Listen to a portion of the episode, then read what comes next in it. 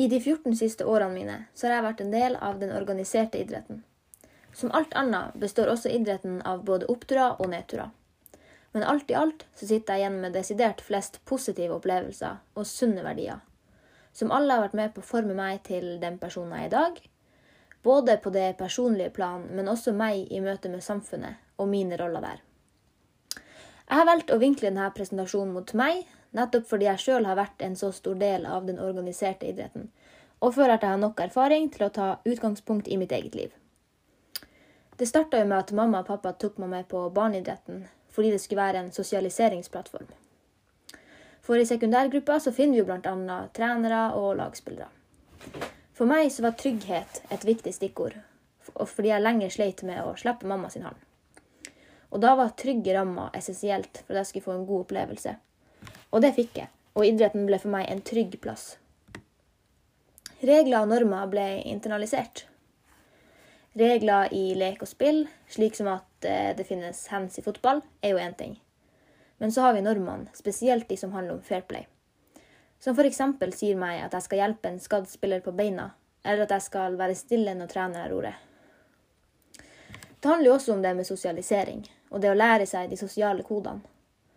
Og jeg mener at de sosiale kodene i bunn og grunn handler om å vise respekt og bruken av ren folkeskikk. Idretten har lært meg hvordan jeg skal takle tap og motgang, og også seier og medgang.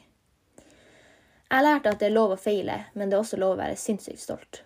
Og alle følelsene som hører med, det er greit, fordi det viser at idretten betyr noe.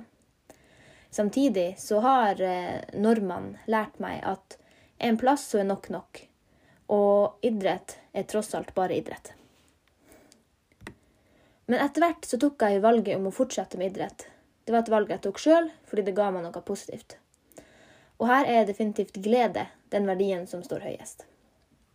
Gleden av å møte venner, gleden av å kjenne på mestringsfølelse, gleden av å reise, gleden av utallige latterkramper, gleden av å ha noen å tørke tårene i lag med, og gleden av å kunne senke skuldrene og ha en friplass.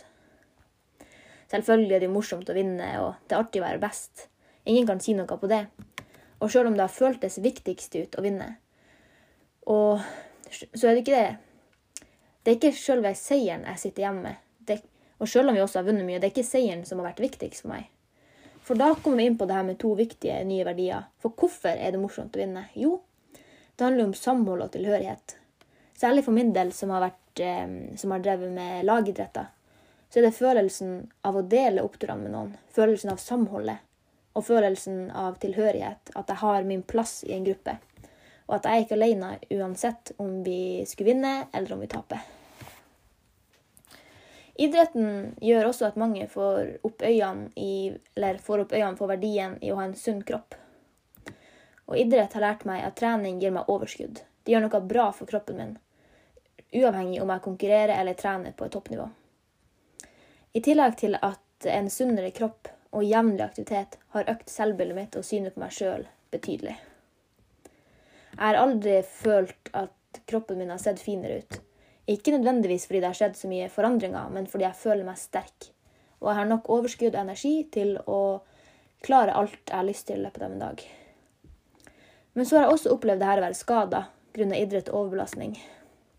Noe som har gjort meg enda mer målbevisst og hardtarbeidende.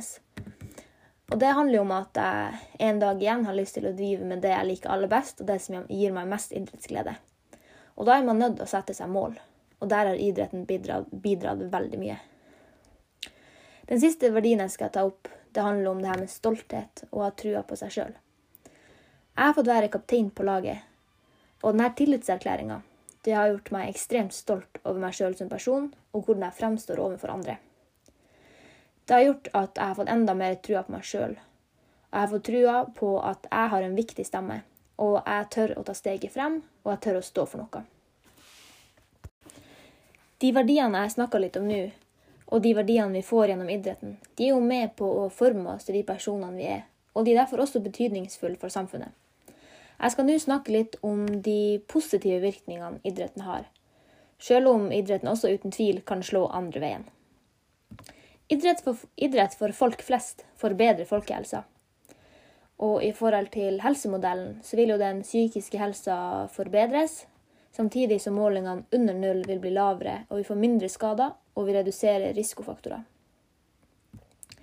Når folkehelsa blir bedre, vil folk kunne jobbe lengre, bidra mer til fellesskapet og bli en mindre økonomisk belastning.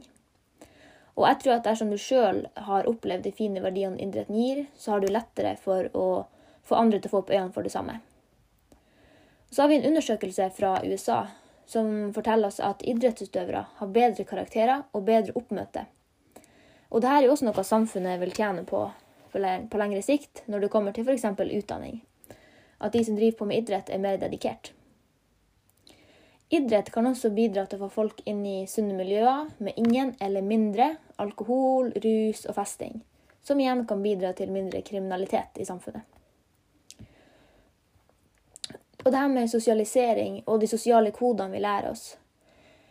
Og de, bygger, de bygger jo i grunn i bunn De bygger jo i bunn og grunn på det her med respekt. Og jeg tror at de som kommer fra idretten, i større grad er flinkere til å respektere hverandres ulikheter. Noe som ikke bare er viktig f.eks. på fotballbaner, men det er like viktig i klasserommet, i hjemmet og på jobb. Det handler om å vise folkeskikk. Og det her med medgang og motgang skjer ikke bare i idretten, men det skjer gjennom hele livet. Men idretten er for mange det første ordentlige møtet med det her, spesielt det med motgang. Det er lov å gå på trynet, og det er lov å feile. Det er lov å feile masse. Men vi må lære oss å takle det her. Fordi når alt kommer til alt, så er ting sjelden så ille som man egentlig tror. Men så har vi den andre sida av saken, det her med gleden og mestring av å lykkes. Og den følelsen gjør at man tør å drømme, og man tør å prøve. Og samfunnet trenger noen, vi trenger mange, som tør å drømme stort. Vi trenger at noen setter seg hårete mål. Eksempelvis når det kommer til karriere, videre forskning osv. osv. Og det siste jeg skal ta opp, er det her med stolthet. For jeg var inne på det at eh, idrett har gjort meg stolt. Og det har gjort at jeg tør å ta steget frem, og jeg tør å tro på noe. Og dette er jo også noe samfunnet vil kunne tjene på. Fordi at man i vanskelige situasjoner, så tør man kanskje å ta et valg som ikke er så populært. Det kan være alt fra å eh, si fra hvis du ser at noen blir mobba, eller å ha en ubehagelig samtale med en lærer. Men jeg tror at samfunnet tjener på, eller jeg vet at samfunnet tjener på, at man har noen som tør å stikke seg opp og frem, og tør å stå for noe. Frem til nå så har jeg kun fokusert på de positive virkningene og verdiene idretten har for enkeltmennesket og for samfunnet. Men vi skal nå gå over på et par dilemmaer, hvor du som trener står overfor noen etisk vanskelige valg. Faren er at dersom du tar det feile valget, eller feil er jo ganske relativt fordi det påvirker oss ulikt, men uansett hvilket valg du tar, så kan det føre til at vi får det vi kaller for ekte frafall. Altså at spillere slutter pga. onde opplevelser. Vi kan starte med dilemma én. Det handler om bruk av skadde spillere. En av de bedre spillerne på laget er skada, men kan hjelpe laget til seier dersom han spiller. Samtidig så kan dette risikere at skaden forverres. Men skal spilleren få spille? I ni av ti tilfeller så vil svaret mitt være nei. Fordi det bryter med flere av eh, Norges idrettsforbund sine verdigrunnlag for den organiserte idretten. Blant aktivitetsverdiene så står det bl.a. at deltakelse i idrett skal gi gode vaner for en varig sunn og helsefremmende livsstil. Det står også at prestasjonsutvikling ikke skal gå på bekostning av utøverens helse. I det sekundet jeg som trener lar en spiller spille, så sier jeg også at det, er, det å vinne kampen vil være viktigere enn spilleren sin helse. Og jeg tenker at det blir etisk feil å oppfordre til spill fordi at jeg som trener skal gå foran som et godt forbilde, og jeg skal fremme sunne verdier, som bl.a. de to jeg leste som NIF har spesifisert. Og spesielt dersom dette tilfellet er snakk om barne- og ungdomsidretten, så har man et ekstra ansvar som trener, fordi spillerne er i en ekstra sårbar situasjon hvor veldig få er modne nok til å større, tørre å stå opp for seg sjøl og si nei, hvis man eventuelt kjenner sjøl at du ikke er i stand til å spille. Det kan komme, over, komme av at du føler deg pressa, eller at du er redd for å skuffe noen. Og siden at du velger å spille, så kan dessuten kampsituasjonen og adrenalinet i kroppen gjøre at spilleren har vanskelig for å fokusere og kjenne på egne smerter fordi man blir så opphengt i kampen. Og jeg tenker at det trosser enda flere verdier enn de jeg har nevnt tidligere, av NIF sine verdier, da. For siden at spilleren spiller og laget vinner kampen, så kan spilleren fortsatt forverre skaden sin. Og han mister potensielt en stor del av idrettsgleden. Fordi for folk flest så handler idrettsglede om å få lov til, og det å være i stand til, å drive med det man liker aller best. Og for folk flest så tror jeg det her overgår alle prestasjoner. Men fakta er at man vil ikke være i stand til det her hvis man er skada. Og jeg har sjøl vært i eh, flere skade, skadeperioder. Og jeg vet hvor viktig det har vært for meg at noen har vært streng med meg når jeg har vært skada, for jeg har ikke vært moden nok til å ta de rette avgjørelsene. Kroppen min, og spesielt knærne, som er ekstremt utsatt i håndball, eh, skal bære meg gjennom hele livet. Og livet består av mer enn bare håndball. Det er ikke sikkert at skaden forverres, og kanskje går det kjempebra. Men dersom den forverrer seg, så kan det bli så ille at man må legge håndballskoene på hylla i mye yngre alder enn man egentlig hadde trengt. Men jeg sa jo at jeg i ni av ti situasjoner ville sagt nei som trener. Men så er det jo et par unntakssituasjoner som jeg tenker vi også skal snakke litt om.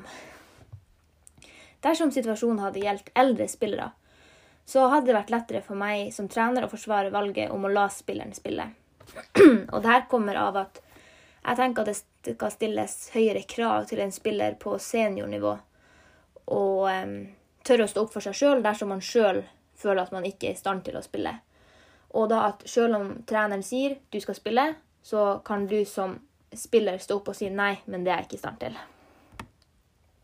Skal vi si at vi setter litt på spissen, da. Si at du spiller en Champions League-finale. Så vil jeg si at det er greit at dersom treneren i samråd med både spiller og legeteam blir enig om at de skal spille, så er det greit. Samtidig så er det viktig at en også respekterer dersom spilleren sier nei, da.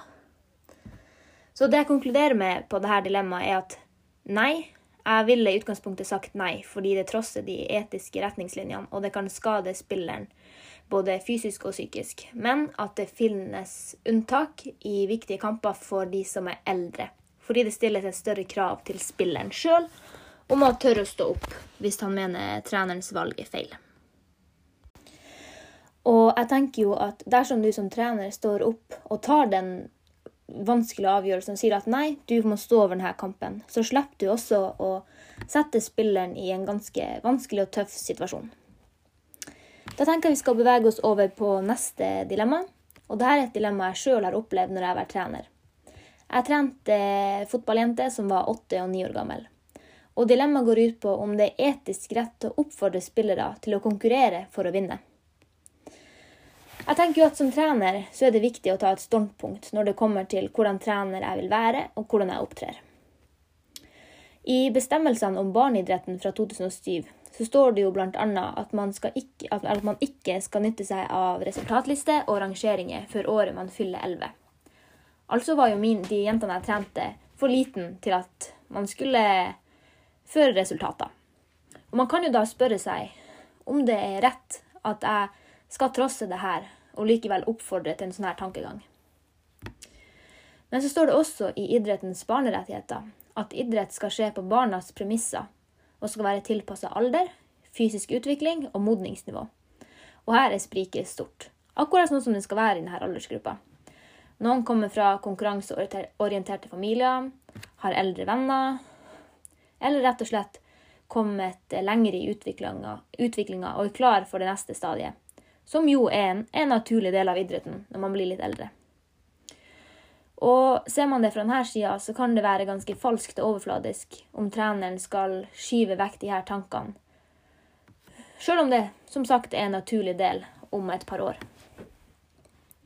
Men så har man også de spillerne som er så redde at de har nok med å være på banen. De syns det er skummelt. De har ikke kapasitet til å tenke på det her med resultater. Og det vil Begynner man å snakke i de banene, så nei, da da vil man heller stå på sidelinja og holde mamma i handa.